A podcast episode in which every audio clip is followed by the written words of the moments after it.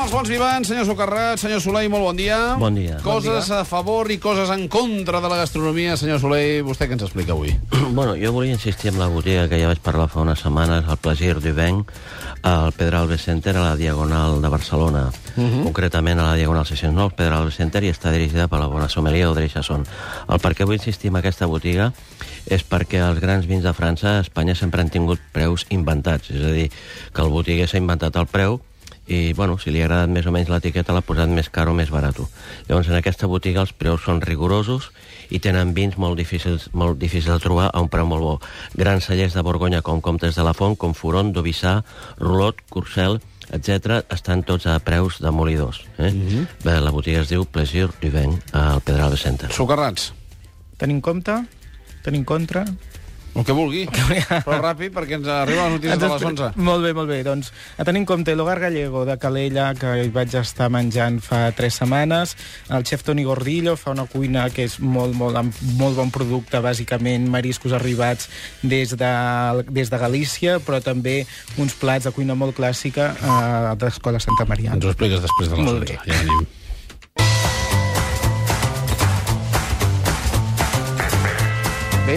En aquesta falca que recorda la ràdio és el que no hi sortim nosaltres, senyor Soleil, senyor Socarrats, molt bon dia.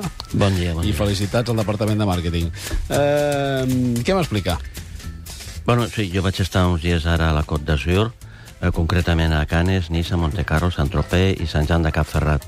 La realitat és que totes aquestes poblacions viuen d'un turisme de milionaris que Espanya no els té i els preus que es paguen als hotels són eh, molt exagerats. Per mi eh, hi ha dos llocs molt recomanables a visitar, que seria Sant-Tropez i Sant Jan de Capferrat. Que a Sant Jan de Capferrat, concretament, hi ha el gran hotel de Sant Jan de Capferrat, que és un dels millors hotels que he estat a la meva vida. Uh -huh. I, bueno, bé, aquests dos llocs per mi són recomanables. Molt bé, molt bé. Socarrats? Uh, una cosa que ja m'està cansant una mica, que són quan vas... Neymar? Bé, això seria una altra cosa, el que passa que en principi hauria d'entendre Un més... dia, de- un dia aquesta secció de bons vivants hauria de parlar de futbolistes i de futbol, no, Soleil? Bueno, aquí faríem molt merder, llavors. Per què faria molt merder? Vostè què diria? Bueno, perquè la veritat del futbol és molt patètica. Quina és la veritat del futbol? Bueno, hi ha masses diners i que tot és mentida. Tot és mentida? Tot és mentida. Però ara no parlem d'això, Fuentes. Què vol dir que tot és mentida? No ho sé, m'ho tindria que preparar, perquè si no diria moltes bestieses. Jo sobre Socarrats. futbol confesso que no en tinc ni, ni, ni idea, eh? Doncs tornem a la cuina. tornem a la cuina, que tampoc sé si en tinc gaire, però ho intento. Estava dient que m'estan cansant una mica eh, que vagis a demanar braves i et serveixi tothom les braves inventades pel Sergi Arola. És una creació que potser té més de 10 anys, que doncs, agafa les, les, les patates, en fa com un tub, eh, les cou i, i les farceix amb la, amb la salsa de, de, de, de les braves, no?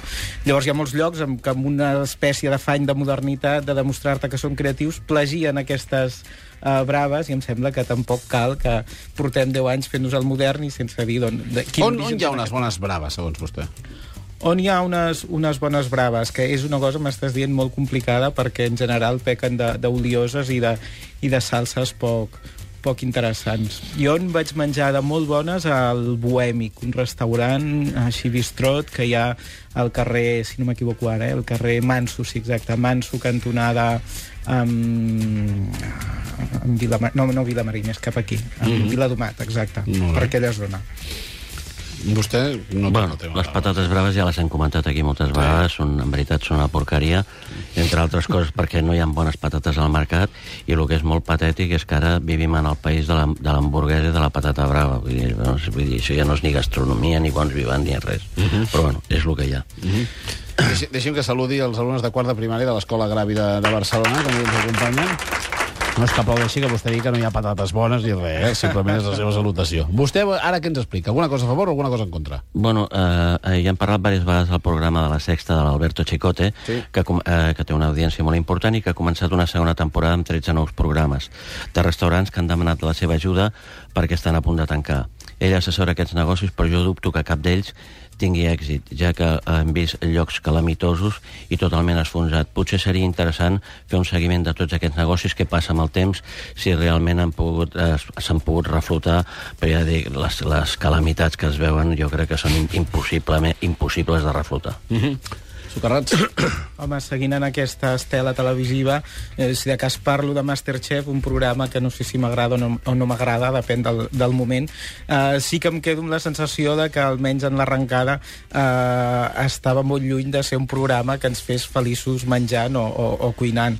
El nivell de la gent que anava allà a aprendre i el que se'ls ensenyava era tan abismal que no, no, els resultats eren bastant, bastant tristos, no? Però en qualsevol cas, eh, un programa de tele, jo entenc que és un programa de tele, que hi ha d'haver les seves eh, batalles internes i el que sigui, ens ho hem de passar bé així, però no sé fins a quin punt eh, podem sentir-nos gaire satisfets com a gastrònoms del que, del que veiem allà. Fa una mica de, de, de, de, de por pensar que la idea de bona gastronomia que tenim al país és el que apareix allà. Mm -hmm. Soleil? Bueno, tot França i concretament a la Costa, a la Costa Blava, a Côte d'Azur, es menja molt malament i cada dia pitjor. El tema és clar, els restaurants no són negoci i per tindre beneficis al plat no s'hi ha de posar res i cobrar al màxim. Per fer això es necessita un bon servei i un interiorisme de luxe, que és l'única exigència dels clients. El màxim exponent d'això que diem és el restaurant més luxós del món, que no és altre que el, el Louis XIII eh, en l'hotel de París de Monte Carlo, eh, dirigit pel mega eh, famós cuiner Alain Ducasse, que té muntanyes d'estrelles Michelin arreu del món. Aquest restaurant de, té tres tipus de menús, un de 230 euros, un de 330, i ara han estrenat un menú de 140 euros. Eh, tots el, eh, tots els, aquests menús tenen un cost de matèria prima ridícul. En concret, el d'aquest de 140 euros podríem explicar que hi ha un entrant, un misambús, que diuen ells, eh, que és un, una ceba confitada i un tomàquet fet al forn.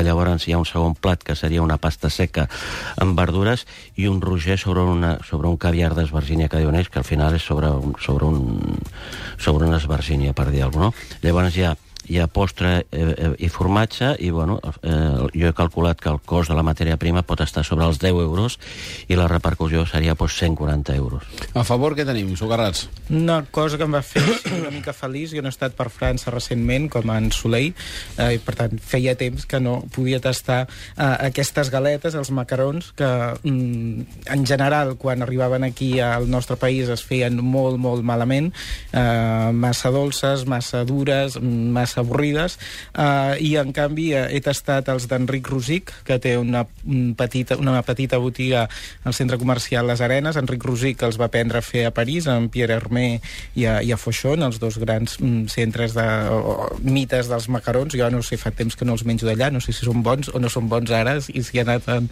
en Soler ens ho pot comentar. En qualsevol... Macarons toca vostè? Bueno, ho hem comentat aquí diverses vegades, vull dir, és una cosa que està bé, però no entenc per què s'ha tingut que importar això de França. Mm. A França el venen als aeroports, a les estacions, a tots postos al carrer, tothom menjant això, i vull dir, realment no crec que tingui massa interès. Però, bueno. En qualsevol cas, jo vaig tenir una petita alegria perquè no em van costar gaire cars i almenys de tastar-ne de, de, de, de sabors molt diferents i són flonjos, lleugers, canvien segons la temporada i no ho sé. Mm -hmm. El mil de xocolata, que és el que m'acostuma a perdre la xocolata, em va agradar moltíssim. Va, una bona d'avui, Soleil. Bueno, jo sap què passa, que O continuo... mig bona. Jo continuo a la Costa Blava, llavors, vull dir, aquest cap, de, aquest cap de setmana aquest cap de setmana és el, Molt gran premi, dolenta. és el gran premi de Monte Carlo. Llavors, el restaurant aquest de l'Alain Ducasse, Sí. que està allà a la plaça del Casino, Li passen els cotxes per davant. i passen els cotxes per davant, fa un menú al preu mòdic de 900 euros per Què diu, persona. Ara? Tota la setmana? Això dintre el restaurant, no, els, els dies de, de la Fórmula 1. Eh? Però cada dia val No, 900? no, només el diumenge, que és el dia de la cursa. Ah, El diumenge cursa. 900. A dintre el restaurant val 900 i a la terrassa, que veus passar els cotxes, val 1.300 euros per persona. Que no és un preu res. mòdic per menjar pues, la cuina que fan allà, que és algo que realment no val, no val la pena. Socarrats. L'última.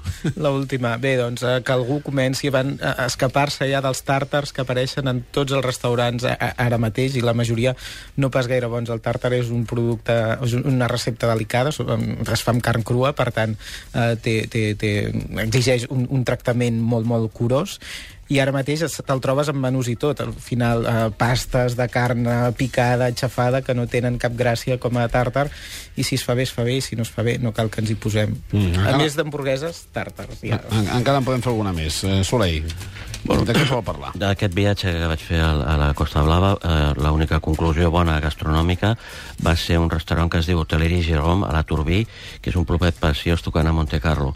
Eh, L'Hotellerie Jérôme és un hotel de sis habitacions i un restaurant reconegut amb dos estrells Michelin, que per mi no és important lo de les estrelles, però Eh, és un dels poquíssims restaurants de França que treballa matèria prima excepcional.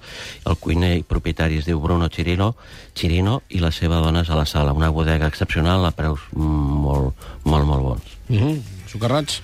Doncs eh, jo us recomanaria que si mai esteu al migdia, al matí, per, per, per l'Eixample, que podeu anar a la cantonada de Consell de Cent amb Enric Granados, hi ha la bodega Granados, on es fan en una terrassa un, uns esmorzars mm, bastant bons i molt difícils de trobar a Barcelona eh, durant, el, durant el dia. Mm -hmm. Així, amb unes tapes, uns plats més contundents, eh, eh, hi ha formatge de cabra, bacallà confitat, bé, moltíssimes coses que pots menjar per esmorzar o durant tot el dia. La cuina no, no tanca. Mm -hmm. El Soler el veig encara remant papers. Sí, no, volia dir que abans d'anar a la Costa Blau vaig estar un cap de setmana a Sant Sebastià i voldria insistir una vegada més als joves i aficionats en general que els agradi el món de la cocteleria que no deixin d'anar que, que no es deixin enganyar Dickens?